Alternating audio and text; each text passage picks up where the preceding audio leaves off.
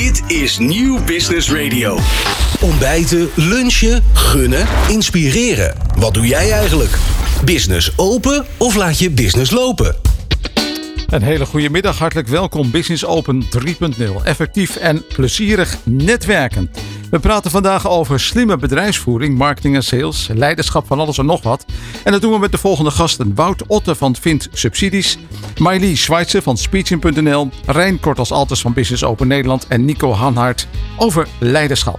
Je krijgt zo dadelijk inzicht in subsidies. Hoe ga je daar slim mee om? Leiderschap, verstevig wat werkt. Spreken in het openbaar. Vandaag, hoe belangrijk is zichtbaarheid? En we beginnen met Rijn Kortels Alters van Business Open Nederland. Ontbijten, lunchen, gunnen, inspireren. Wat doe jij eigenlijk? Business open of laat je business lopen? Rijn, goedemiddag. Ja, goedemiddag, hallo. Slimme bedrijfsvoering, is dat iets wat uh, bij Business Open een, een onderwerp is? Uh, ja, dat is zeker. En ook wel op meerdere vlakken. Want uh, ik zag de vraag natuurlijk voorbij komen. En ik denk van ja, slim ondernemen. Denk je vaak aan allemaal moderne slimme oplossingen. Maar uh, er is ook een hele oude manier van slim ondernemen. En dat is eigenlijk, eigenlijk netwerken. Want ik denk dat netwerken een ontzettend slimme manier is van werken. Ja, en elkaar helpen door je naar voren te schuiven als je meer kans op succes hebt dus. Ja, er, zijn natuurlijk heel veel definities van netwerken. Maar bij ons is het te zorgen dat degene die het meest kans op succes heeft, uh, die taak op zich neemt. Mm -hmm. uh, aan de ene kant is het natuurlijk heel duidelijk bij onze bijeenkomst dat je om introducties vraagt. En ik ga natuurlijk veel makkelijker bij mijn broer kan introduceren dan wanneer hij zelf koud gaat bellen. Mm -hmm. Maar ook gewoon door het inzetten van specialisten. Ik denk als, als je als ondernemer een, een bedrijf serieus wil laten groeien, dan moet je zorgen dat je aan je onderneming werkt en niet in je onderneming. En juist voor het werken in je onderneming met de nodige specialisten werkt. Waardoor jij de ruimte hebt om uh, beleid te maken en de boel te managen. Dus, dus ja, slim werk, wat mij betreft, zaken laten regelen door mensen die daar beter in zijn dan jij. Maar maken jullie daarnaast ook gebruik van andere slimme oplossingen? Ja, dat is iets waar we ook continu naar kijken. Ik vind het leuk dat Wout bij jullie zit, want daar zijn we ook mee in gesprek. Omdat wij, en daar kom ik zo op, ook bezig zijn met een, uh, een hele moderne manier uh, die, uh, die ook hoop met subsidie voor elkaar te krijgen is. maar ook, ook ChatGPT. Natuurlijk is dat al een tijdje is dat ja, de talk of the town, om het zo maar te zeggen. Mm -hmm. Maar wat mij opvalt daaraan is dat het, als ik het met zes maanden geleden vergelijk echt wel enorme stappen heeft gemaakt. Als je vraagt uh, voor teksten te genereren, dan was dat zes maanden geleden nog best wel houterig. En nu moet je nog steeds wel de human touch eraan toevoegen. Maar het is wel echt stukken beter en er zitten ook zelfs een paar, uh, ja, je verdenkt het bijna van creativiteit uh, soms. Grappig, ja. Ja, en, en dat is iets, dat vind ik ook best wel, best wel bizar. Als je na gaat denken over wat dat alleen al doet in, in een paar maanden tijd. Mm -hmm. Uh, ja, wat dat over een aantal jaar gaat doen. En dan is het natuurlijk veel meer dan ChatGPT. Er zijn ook allerlei beeldbewerkingsprogramma's. Vooral stemmen nadoen, et cetera. Dus ja, daar, uh, daar moet als elke ondernemer wel heel scherp op zijn wat dat gaat betekenen voor jouw branche. En waar kijk je nog meer naar? Nou, dat, we zijn nu ook bezig met een soort van uh, onboardingsprogramma. We hebben een lid bij Business Open en die maakt onboardingsprogramma's eigenlijk voor bedrijven die veel personeel hebben die ingewerkt moeten worden. Mm -hmm dat natuurlijk tegenwoordig is, ja, heb je heel veel personeel nodig, maar heb je nauwelijks personeel om in te werken. Dus om dat te laten doen door een soort programma waarbij gebruik maakt, gemaakt wordt van gamification, zodat het ook leuk wordt en dat je in spel van zeg maar het bedrijf leert kennen en wegwijs wordt gemaakt. Uh, dat vinden we buitengewoon interessant en zijn aan het kijken of dat nu ook uh, op business ook van toepassing is, omdat we ook gewoon leden hebben en voorzitters die we ook graag wegwijs maken binnen, binnen het netwerk van Business Open. Dus ja, dat, dat zijn zeg maar meer de, de high-tech oplossingen waar wij ook naar kijken. En dan subsidies, hè? Je gaf al even een voorzetje. Ja, nee, dat laatste is, is, is waarschijnlijk ook een subsidie voor. Dus daar zijn we met Wout voor bezig. Want dat is natuurlijk heel erg mooi als je tot, tot 80% van zo'n traject uh, gesubsidieerd krijgt. Daardoor worden dingen die anders misschien buiten je reach zijn, ineens heel, heel goed haalbaar. Dus dat, ook dat is iets waar, uh, waar je dan eigenlijk een specialist voor nodig hebt. Nou, we hebben binnen BIS ook een aantal subsidiespecialisten waaronder Wout. Ja, en die kunnen je proactief gewoon wijzen op kansen die er liggen. En dat is gewoon uh, ja, bijna gratis geld. Nou, daar gaan we het dan zo over hebben, gratis geld. Dat vind ik, vind ik een mooi ja. bruggetje, Rijn. Rijn Kortas van Business Open Nederland. Iedere maand op Nieuw Business Radio en bijna dagelijks op locatie.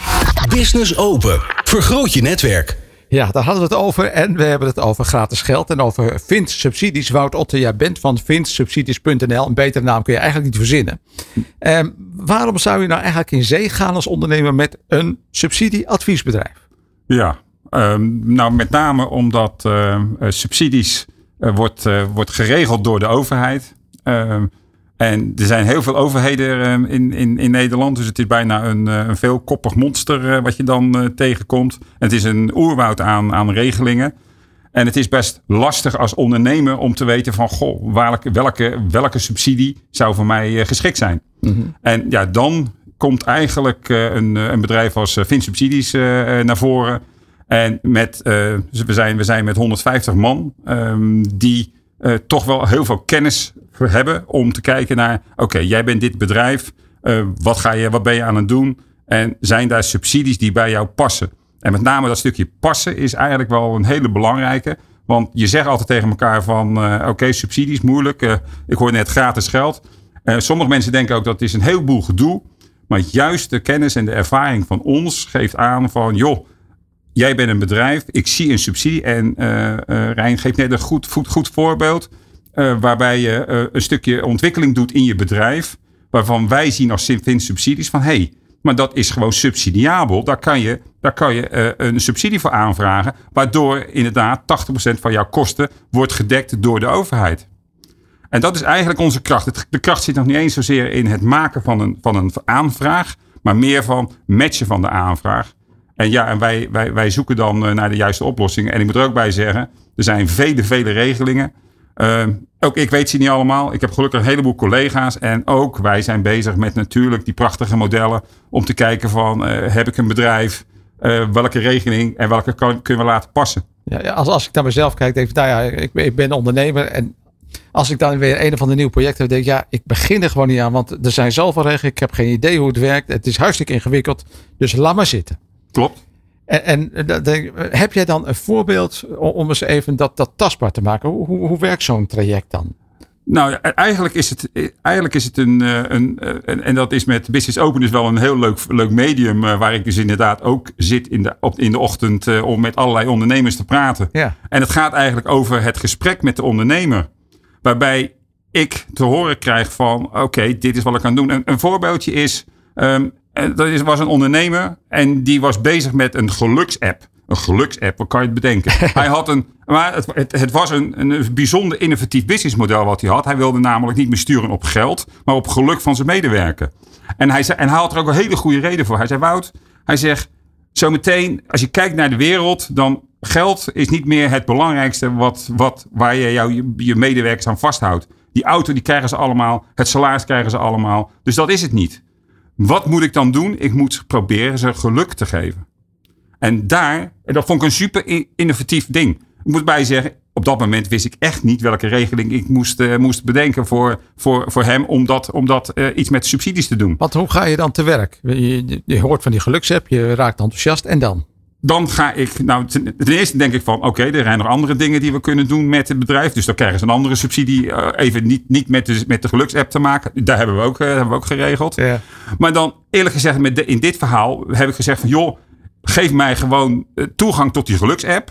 Laat mij gewoon in het traject meelopen. En kijk, ik kijk wel wat er gebeurt. En inderdaad, het is, dit is geen grap twee weken, drie weken geleden komt er een, een, een, een eh, subsidie-update uh, komt binnen. En ik denk, ja, verdomd, dit is iets voor die geluksapp. Oké. Naar de ondernemer toe en zeggen van, kijk, dit is, uh, dit is iets wat er mogelijk is. Zullen we, zullen we gaan met die, met, met, met die aanvraag? Ja.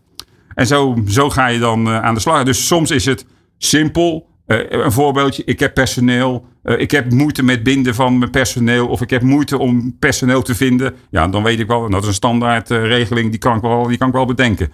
Maar soms zoals dit is het veel. Het is voor, voor iemand, voor mij is het eigenlijk ook wel leuk om te kijken van nou, waar moet ik dan zoeken? Hoe moet ik dan gaan? En ik heb gelukkig ook heel veel collega's waar ik dan ook buurt van, joh, weet jij iets? Weet jij iets? Nou, dan wordt er een, eigenlijk is er een heel spel die dan gespeeld wordt van, van wat zouden we hier kunnen bedenken. En zijn het dan Nederlandse subsidies of zijn het Europese subsidies? Of?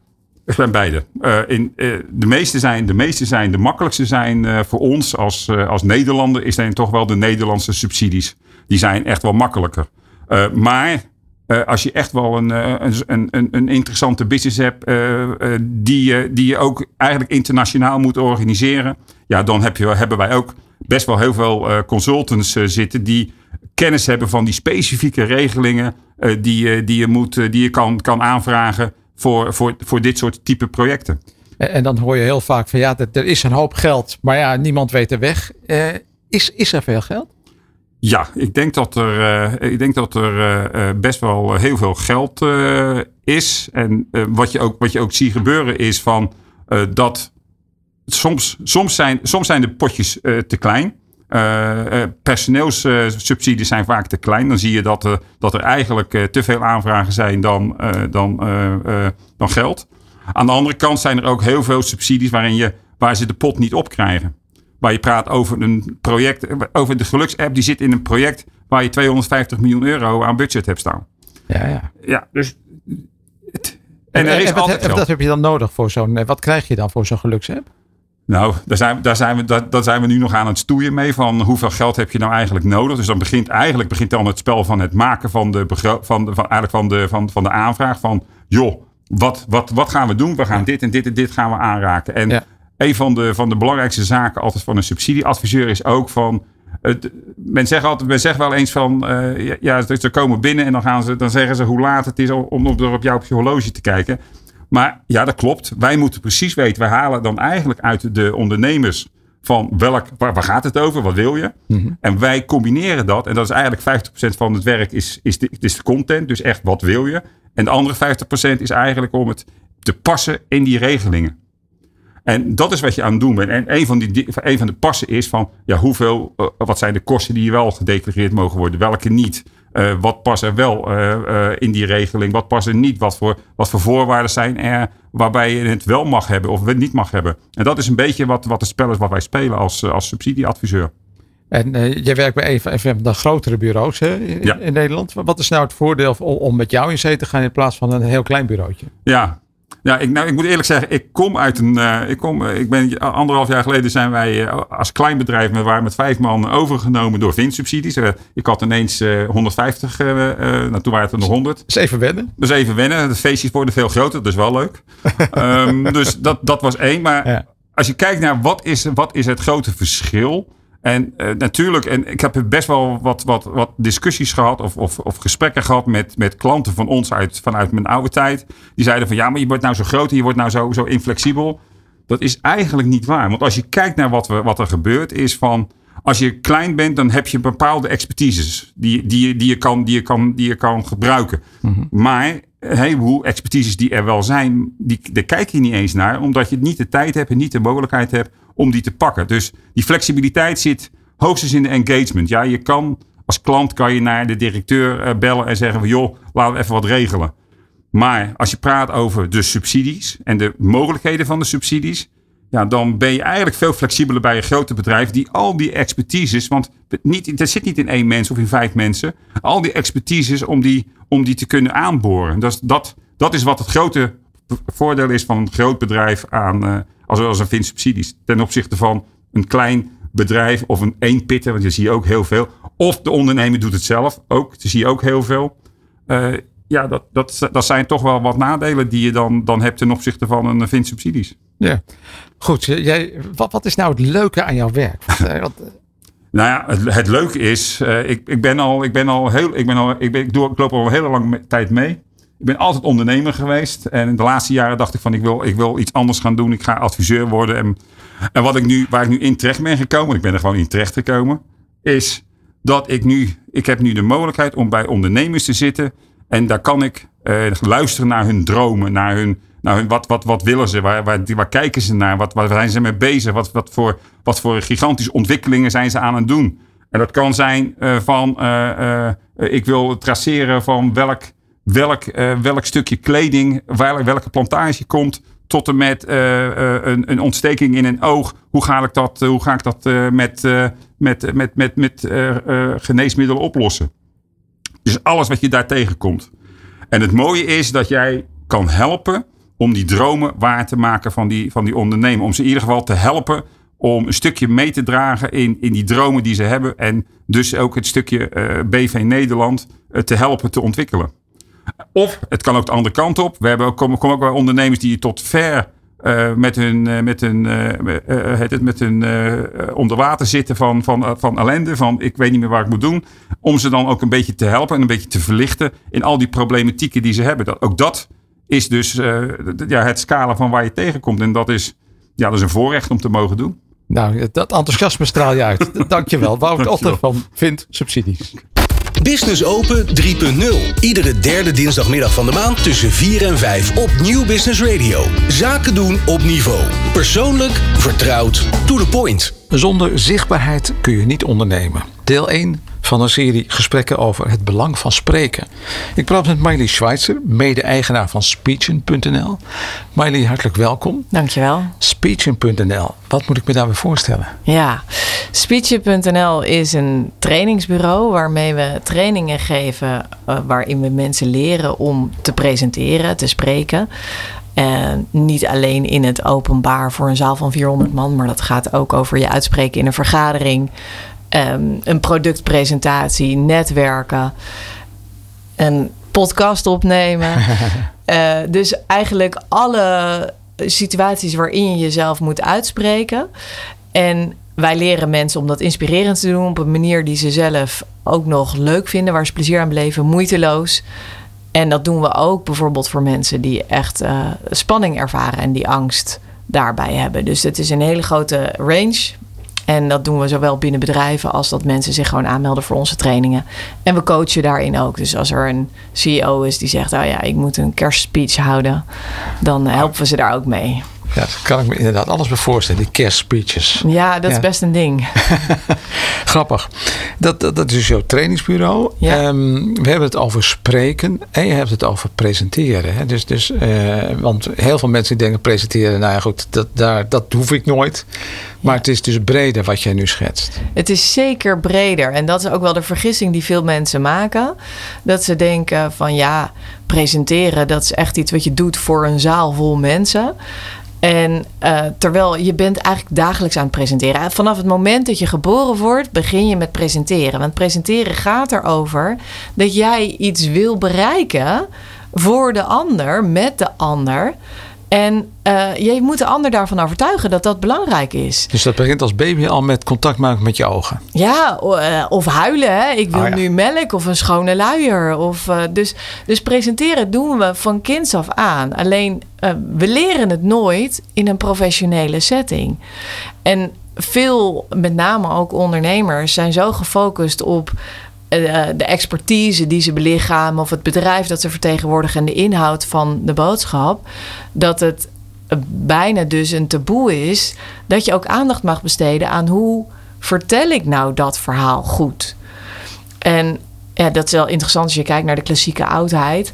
Dan uh, is er, zijn er twee stromingen. Dus aan de ene kant heb je de mensen die expert waren in de retorica, Aristoteles en Cicero. En uh, die vonden dat een vak. En dan had je de mensen die een vak hadden, de mensen die zich bezighielden met uh, hoe zit het lichaam in elkaar, gezondheid. Um, of uh, mensen die zich bezighielden met hoe bouw je een gebouw. Dat was een expertise. En uh, die mensen die vonden dat dat, uh, ja, de retorica, dat dat geen vak was.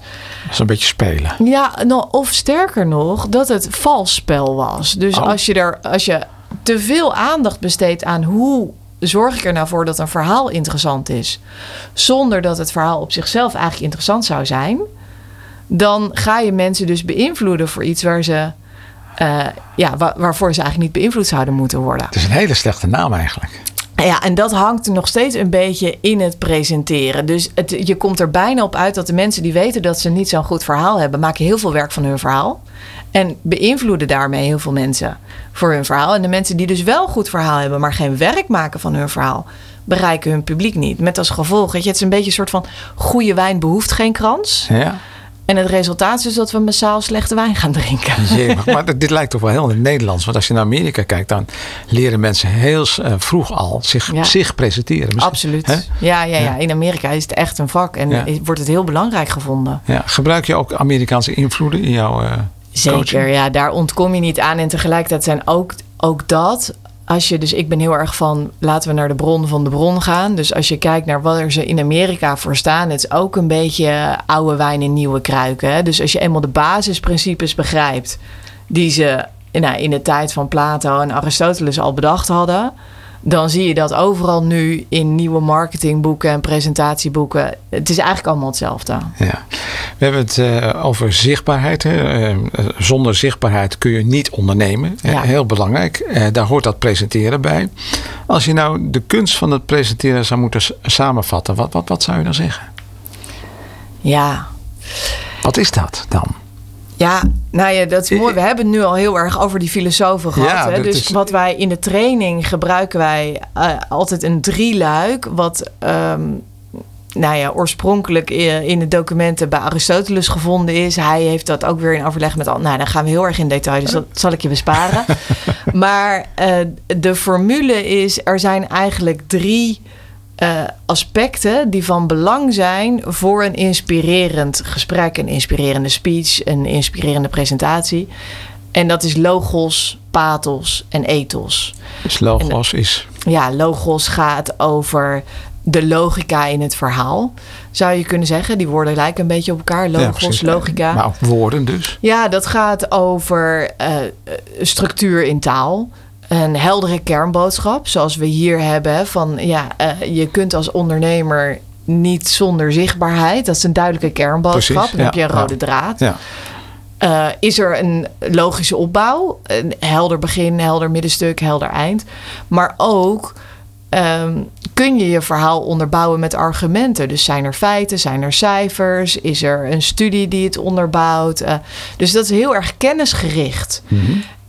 En dat is het, het aspect wat we over het algemeen, zeker als we experts zijn in ons vakgebied, waar we veel aandacht aan besteden. En wat we ook leren op school, daar worden we ook voor beloond. Daar hoor je, eh, krijg je hoge cijfers voor. Als je je kennis op orde hebt, is het goed. En dat is echt, hè? dat wordt dus echt gevoeld. En Ja, dat is als waarachtig ook. Nou, dat is waar. Dat, is- Ja. dat, dat is dan. Wat natuurlijk betrekkelijk is, we weten allemaal van genoeg onderzoeken. Ik bedoel, we hebben allemaal massaal spinazie gegeten en uiteindelijk bleek de komma op de verkeerde plek te staan. Ehm, ja, er zijn gewoon heel veel onderzoeken die later ook niet waar bleken. Maar goed, Logos gaat daarover. Precies. En ehm, Pathos heb je dan? ja, dan hebben we pathos. En dus waar logos, daar leggen we massaal de nadruk op. En het resultaat daarvan is dat we hele saaie presentaties krijgen. Dat het gewoon pure inhoud wordt. Ja. En ehm, wat we dus vergeten is het belang van pathos. En bij pathos gaat het over: ben je in staat om je publiek te raken? Dus ben je in staat om die kennis, die bij logos zo belangrijk is, en die echt wel essentieel is, hè? zonder logos geen goed verhaal. Maar het wordt pas een goed verhaal als je die kennis kunt vertalen naar wat betekent dit nou gevoelsmatig voor je publiek. En dan komen we bij aspecten als storytelling. Of kun je er metaforen voor gebruiken? Of hoe zorg je ervoor dat ik het ga belichamen? Dus waar logos is zeg maar de droge rijst. En bij pathos hebben we hem gekookt en hebben we er een lekker groenteprutje bij gemaakt. En eh, kunnen we het gaan verteren? Dus het is de logos, de vis, pathos, de boter bij de vis. en dus daar gaan we er gevoel bij krijgen. Ja, maar is, is het dan ook dat je dan op dat moment ook ik, eh, een verhaal van jezelf, een eigen beleving toevoegt? Zeker, dat is een optie. Dus dat is een vorm van storytelling. Oké, ja. Ehm, als we kijken naar storytelling, is een van de belangrijkste eh, mechanismen, of je zou bijna kunnen zeggen scripts, die je in storytelling kunt inzetten, is de reis van de held. En de reis van de held, dat gaat erover dat hè, je bent op een bepaald punt. En vervolgens ga je een uitdaging aan. En die uitdaging die blijkt zwaarder dan je dacht. Je krijgt allemaal uitdagingen. o- Oh, moeilijk, moeilijk, moeilijk. ja, je moet je draken beslechten. Ja, ja, ja. En uiteindelijk kom je tot een inzicht of leer je bepaalde vaardigheden. En dan groei je. En uiteindelijk bereik je een soort van meesterschap. Ben je hoger uitgekomen dan waar je begonnen En, bent. dan, En, en kun dan, je het, ja, dan voel je je goed bij. Dan. dan voel je je goed bij. En dan kun je het weer gaan overdragen. En op een gegeven moment wordt dat weer saai. En dan ga je weer een nieuwe uitdaging. Dit is het meest optimale geval. En we, we leven ook in een leven. Nou, uh, ja, we weten allebei, het leven is ook wat er gebeurt. Dus soms heb je niet uit vrije wil de keuze, ik ga de uitdaging aan, maar verlies je je baan, uh, wordt er iemand ziek. Uh, nee, het leven overkomt je. Ja. Dan ga je ook zo'n reis van de held aan. In dat concept zijn er ook altijd, zeg maar, dus je hebt de held en jij kunt als ondernemer in je verhaal in pathos de held zijn. Maar nog charmanter wordt het als jij daarin de gids bent. Hè? Dus een held kan alleen een held zijn omdat hij ergens op een bepaald punt dat hij het echt niet meer ziet zitten. In het diepst van de put. Daar is er een leraar, een mentor, uh, een krantenartikel, een inspiratiebron. Iets wat hem helpt om uit de put te komen. Hoe belangrijk is kwetsbaarheid tonen? Ja, essentieel. Zonder kwetsbaarheid uh, wordt het kansloos. Ja. Dus dat is een heel mooi voorbeeld van pathos. Ja, absoluut. En, en dan hebben we dus logos gehad, de pathos. Ja. Dan komen we nog wat ethos, ethiek denk ja. ik dan. Ja, absoluut. Dus die woorden lijken ook weer op elkaar, ethos en ethiek. Dus ethos, eh, dat, is, dat gaat over... Nou, in de basis kun je zeggen, je publiek, ongeacht of het nou een luisteraar is of uh, je collega's of een, iemand daadwerkelijk in een zaal, vraagt zich af geloof ik deze spreker? Ja. En da daar, daar koppelen we charisma aan. Dus het is eigenlijk, uh, vertrouw ik je? He, denk ik dat je het beste met me voor hebt? Vind ik je leuk? Vind ik je stem aantrekkelijk? Je voorkomen, je houding? Um, ja, misschien je persoonlijke verhaal van pathos. Um, en uh, vertrouw ik je? Dus het is geloof ik je en vertrouw ik je. En dat zijn twee verschillende dingen. Hè? Geloof ik je is, denk ik dat je een expert bent. En vertrouw ik je, geloof ik dat je het beste met me voor hebt. Ja.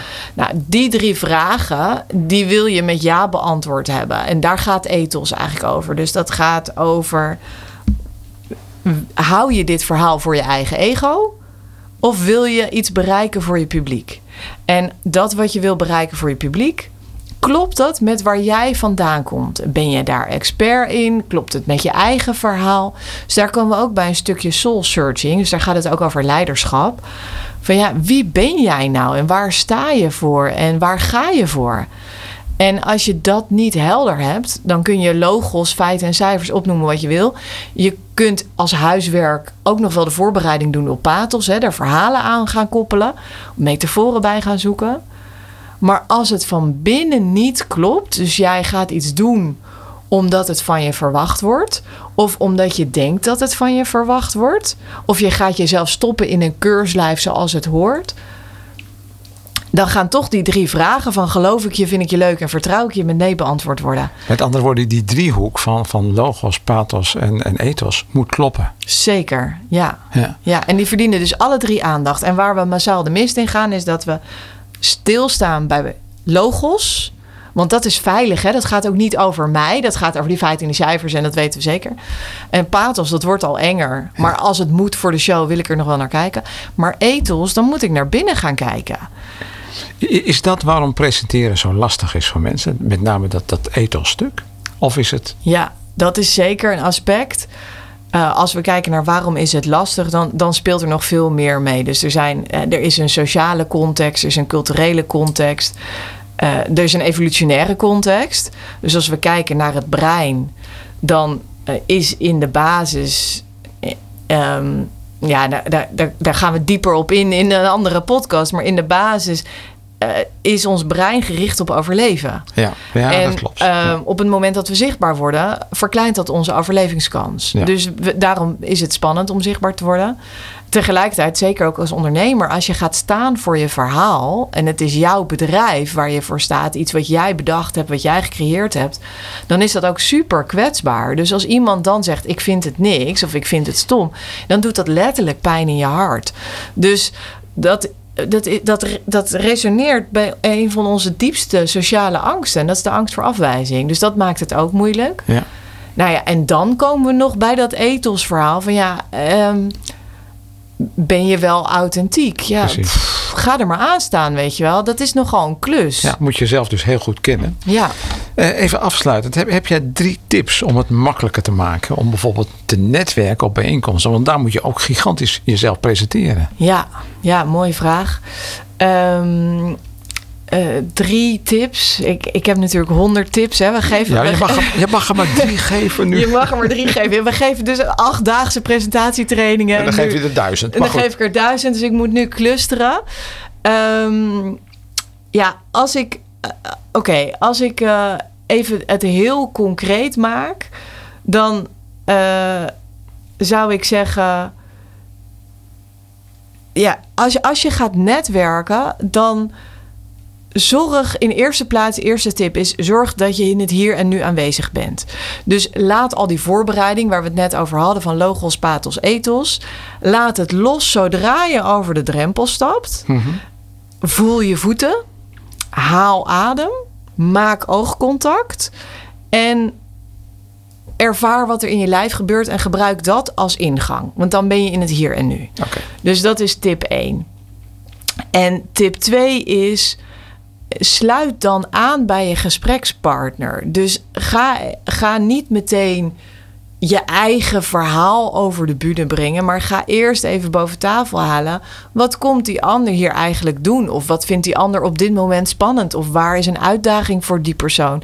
Zodat je een ingang hebt om je eigen verhaal op aan te sluiten. En dan kun je dus niet een kant-en-klaar verhaal loslaten. Maar dan moet je ja, je verhaal gaan omvormen tot iets dat op dat moment aansluit. En een eh, derde tip die ik daarbij heb is: maak het dan ook actueel. Dus gebruik iets wat jij nu ervaart of iets wat die ander nu ervaart. Eh, en maak het zo klein dat het tastbaar en concreet wordt. In plaats van het grote verhaal met je mooie woorden die je met je marketing-specialist hebt voorbereid. Dus gewoon een eigen authentiek verhaal. Daar Ja. komt het op neer. Ja, zeker. Dankjewel. Zonder zichtbaarheid kun je niet ondernemen. Het eerste deel van de serie gesprekken over het belang van spreken. Dankjewel, Miley eh, Schweitzer van eh, Speecher.nl. Tot de volgende keer.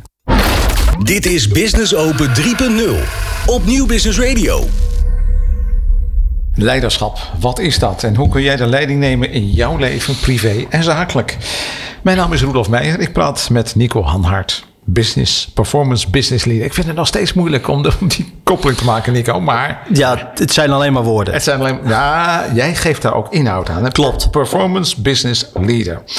Ehm, verstevig wat werkt en wat werkt niet. Daar gaan we het vandaag over hebben. Eh, maar je hebt ook zo'n hele mooie formule. Hè? Ja, die, die, die formule ehm, die heeft in de loop van de jaren heel veel betekenis gegeven aan eigenlijk mijn eigen onderneming. Ehm, en die formule, alle cliënten met wie ik werk, daar werk ik met deze formule. Als ik met bedrijven in contact kom, dan neem ik altijd deze formule mee. En die formule die hebben we in een van de eerdere uitzendingen al eens benoemd. En eh, die luidt: een resultaat is conversatie plus een besluit. En wat ik in ja, het eerste woord wat in me opschiet, eh, op, oppopt is alle. Maar laten we zeggen, 90% van de ondernemers die ik spreek, zijn we ons niet hiervan bewust van deze formule. Want we willen wel een resultaat. Meer omzet, meer klanten, meer marge, bla bla bla bla. Ja. Productiviteit van medewerkers verhogen. Eh, of we voeren de gesprekken niet, de conversaties. Of we nemen de besluiten niet. En in sommige gevallen doen we het allebei niet. En dan zitten we op de bladzijde magisch denken. Hopen, wensen en willen dat we een resultaat krijgen. En tegen mijn kinderen zeg ik altijd... eh, hopen doe je maar op het toilet. Wensen, dat vraag je maar eens in het glaas. En willen, zolang jij iets wil, gebeurt er nooit wat. Je zal iets moeten gaan doen, jongen. Ik, ik heb ooit eens eh, iemand meegemaakt die werd ondernemer. En die eh, vertelde mij van nou, ik heb een kantoortje gehuurd. Oké, ik heb een computer gekocht. Oké, ik heb een telefoon gekocht. En eh, ik zeg, wat, wat ben jij dan gaan doen? Hij zegt, nou ja, op maandagochtend ben ik om negen uur achter die eh, computer gaan zitten en achter die telefoon. Ik zeg, wat gebeurde er toen? Hij zegt, niks. Ja, ja magisch denken. Magisch denken. Ja, en, en daar zitten de hele volkstammen doen dit, hè? Ja, Heel ja. veel ondernemers die zitten in, in magisch denken en hopen dat het nu gaat gebeuren. Ja, ja. Een kleine grappige anekdote. Ik deed eh, in 2011 deed ik een, eh, een MBA, hè? Nou, is gewoon een titeltje. Twee jaar van mijn leven. Hartstikke dure opleiding, een master bedrijfskunde. En eh, in 2013 stond ik in zo'n eh, zwart gewaad met zo'n eh, puntmuts om mijn hoofd. eh, werd ik gediplomeerd, hè? Ja. En toen dacht ik, nu gaan ze bellen. en wat denk je? Ze belden niet. nou, wat raar. Nou, had ik, wat op raar. LinkedIn, ik had op LinkedIn gezet, MBA, bla bla bla. Ja. Nee, doodse stilte. Ja, er zit geen antenne op, hè? Nul. ja, uiteindelijk moest ik toch zelf weer in actie komen Ja. om iets te creëren. Ja. Weer verzoeken doen. En conversatie, dat, dat is wel mooi. Waarom heb jij voor het woord conversatie ge- ge- Ja, gekozen? ehm, een gesprek voeren. ehm, eh, bij mij, hè, en dat, dat, iedereen heeft daar een eigen betekenis aan. Maar een gesprek voeren, wat ik ervaar is, eh, er zit een groot verschil tussen luisteren en iets aanhoren. ja. Oké.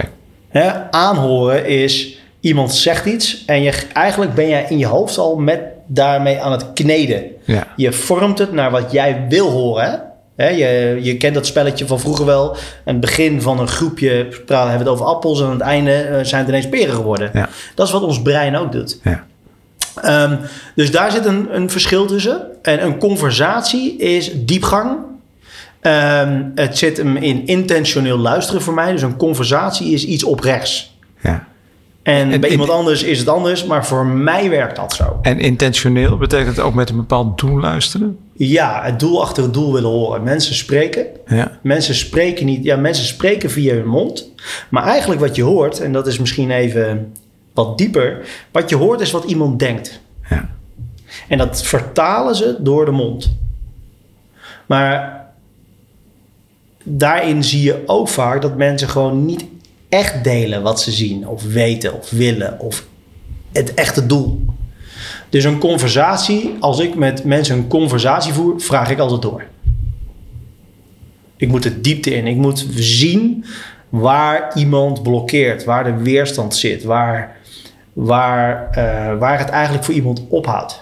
Maar je, je kijkt ook naar gedrag, hè? Absoluut. Ja, hè, wat wat je in eerdere uitzendingen ook al zei: van nou ja, iemand die transpireert en die vertelt iets wat heel zelfverzekerd klinkt, klopt niet. Punt. Ehm, ik, misschien is het wel grappig om dat op te zoeken. Elon Musk heeft een. eh, als, hij, ehm, ehm, als hij mensen aanneemt, is een onderneming. Ik weet niet of hij dat nog steeds doet, maar in het verleden. dan vroeg hij aan de sollicitant eigenlijk altijd één vraag: van goh, eh, waar in je leven heb je echt moeten knokken voor je leven? En dan zie je twee antwoorden. Het eerste antwoord is: iemand weet precies op de dag van vandaag, op de minuut in het verleden, wanneer die wat zei, hoe dat, wie er was, enzovoort. Het is heel specifiek. Ja. Iemand die een verhaal houdt, is niet specifiek.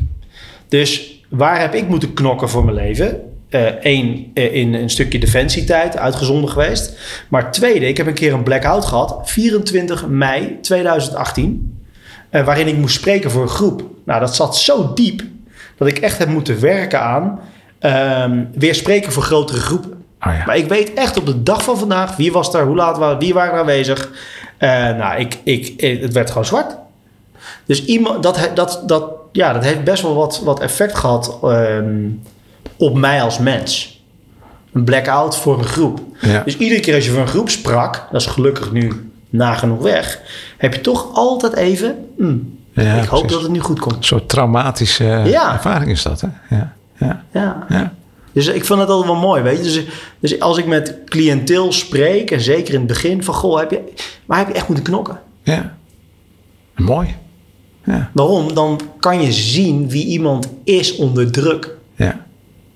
Wie ontstaat er Ja. als die onder druk wordt gezet? En dat heb ik, dat heb ik geleerd in mijn defensieperiode. Uitgezonden geweest. Eh, nou, vijf jaar lang eh, gewoon toch wel gas erop. Ja, mensen onder druk veranderen. En daar wil je naar kijken. En dat is wat ik nu doe.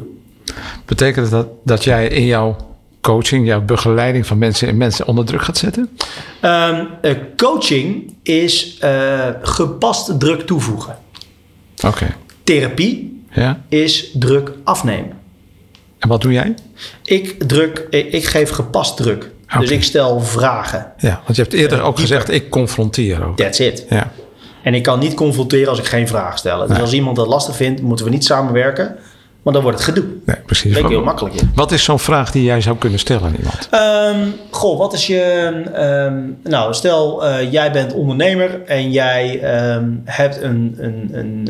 Je zegt structureel tegen mij... Goh, ik ga deze mensen benaderen voor business. Maar je doet het niet. Nou, Ja. de eerste week dan zal ik altijd beginnen van... Goh, wat is de weerstand op het oppakken van de telefoon? Ja, dat vind ik moeilijk. Wat is dat dan moeilijk? Ja. Hoe verschijnt die klant voor je? Wat ervaar je als jij die telefoon opneemt? Laten we dat eens doen, nu. Ik ben een prospect, jij bent ondernemer. Laten we maar doen. Ja, wil ik niet.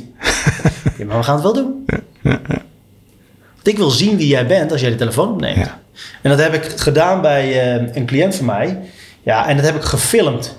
En vervolgens hem geconfronteerd. Oh ja. Hij zegt, doe ik dit? Ik zeg, ja man, dit is wat jij doet. Dus ja, zegt, nu snap ik waarom ze nee zeggen. Door de telefoon. Zo. Ja, en iemand die dat uit de weg gaat, Ja. kan ik niet helpen. Nee. Hoe graag ik het ook wil. Maar in het begin heb ik dat wel gehad, hè. Wilde ik iedereen helpen. Kan niet. In wezen, wat jij doet is, is toch helpen. Je helpt Ja. ze wel, maar op een andere manier. Ja, ik help mensen te kijken naar dat deel waar ze niet naar willen kijken. Ja. Oftewel, eh, wat is mijn grootste schaamte? Ja. Waar ben ik echt bang voor? Ja.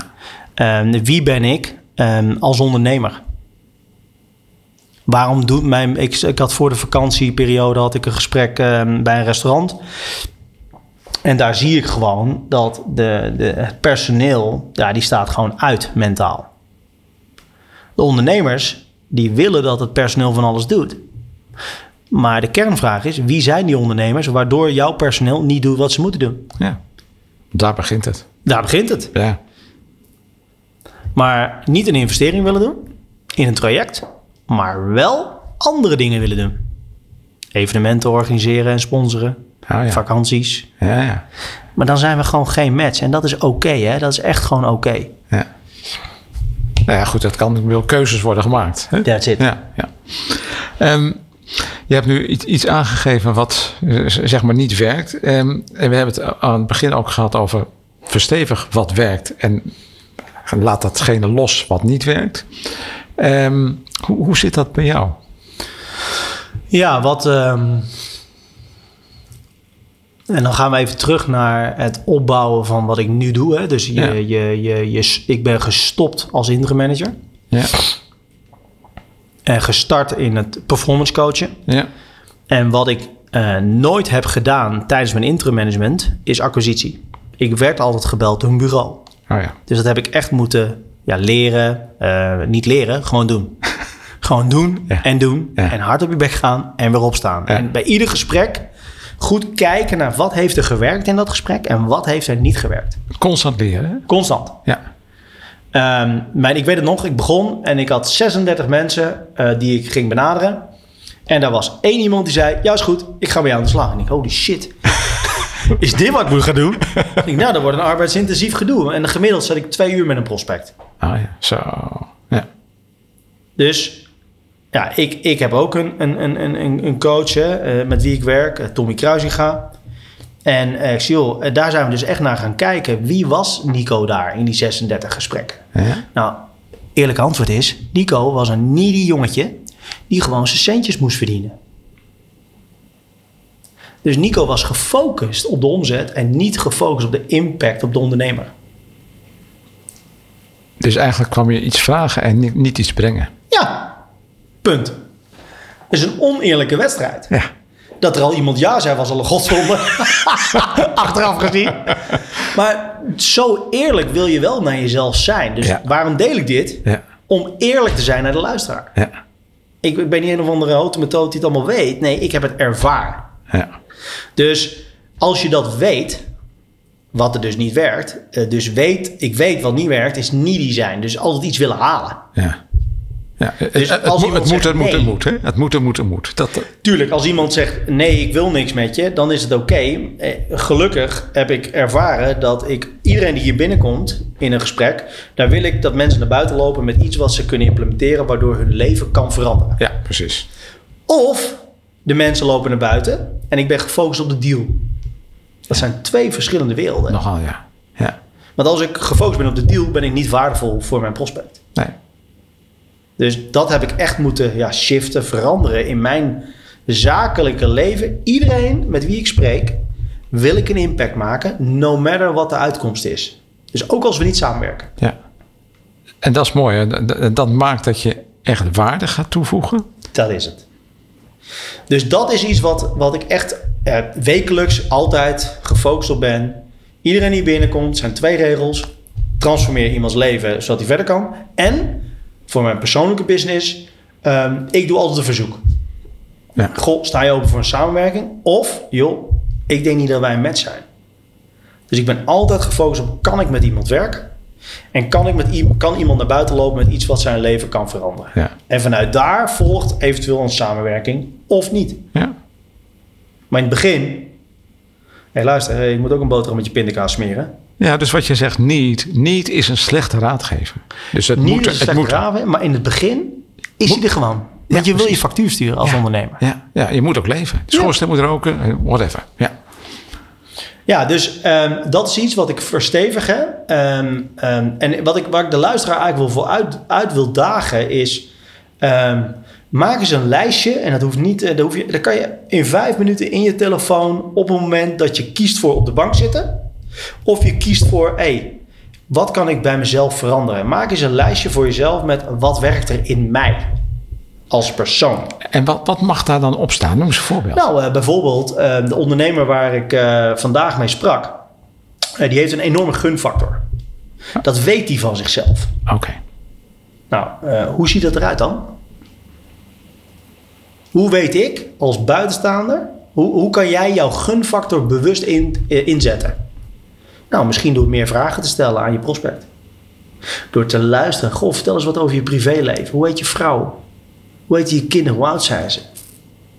Dus oprecht geïnteresseerd zijn creëert het verstevigt je gunfactor. Ja, ja.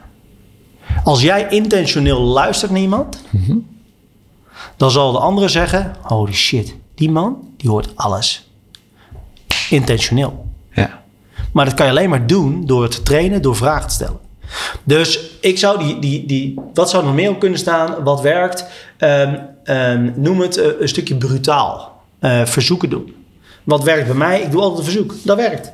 Doe je geen verzoek, krijg je ook niks. Nee. Dus als je dat weet, moet je het vaker doen. Moet je het gewoon altijd doen. Wat werkt uh, in mijn persoonlijke leven? Um, een commitment hebben op het privéleven. afspraken nakomen met mijn wederhelft. de sport van de jongens. Dat werkt. Dat verstevigt mijn relatie met mijn partner. Daar ben ik me bewust van. Um, dus maak eens een lijstje van wat werkt er in mij als persoon in de relatie tot, tot business bijvoorbeeld. Wie ben jij als ondernemer als jij uh, zaken doet? Wat werkt er? Wat merkte bij mij? Ik confronteer, dat werkt. Niet bij iedereen. Dus of mensen vinden mij heel vervelend, en dat is ook oké. Of mensen vinden het fantastisch en zeggen: hé, met die man, die is gewoon eerlijk naar wat hij ziet. Dus dat werkt bij mij. Uh, maak ook eens een lijstje met wat werkt er niet.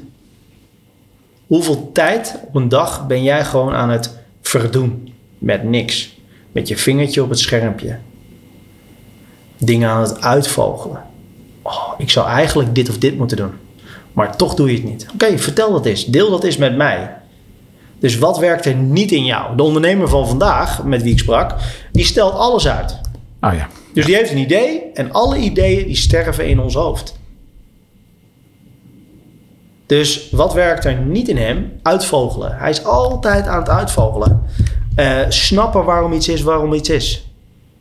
Slim doen. Stop eens gewoon met slim doen. Stop het. Stop het. Implementeer het gewoon eens. Met andere woorden, maak een lijstje van wat, wat goed gaat bij jou, wat, wat, wat bij jou past en wat niet bij je past. Ja, en wat er werkt en wat er niet werkt. En deel die eens met mij. Stuur dat eens op per mail uh, naar info apenstaartje nicohanhart.nl. Ging dit te snel? www.nicohanhart.nl. staan mijn contactgegevens, telefoon, WhatsApp, e-mail, LinkedIn. En laten we daar eens naar kijken. En um, de mensen die luisteren en geïnteresseerd zijn in een evenement, uh, de formule resultaat is conversatie plus, plus besluit. Die um, ga ik maandelijks doornemen met een groepje ondernemers, zodat zo'n formule voor je gaat werken. In plaats van dat het een soort ding is van, ah, weer iets wat ik weet. Want alles wat je weet, doet helemaal niks. Nou, heel mooi. Dus die events die staan ook op de website wanneer ze er zijn. Mooi. Nou ja, dankjewel weer voor een prachtige, inspirerende sessie. Nico Hanhart.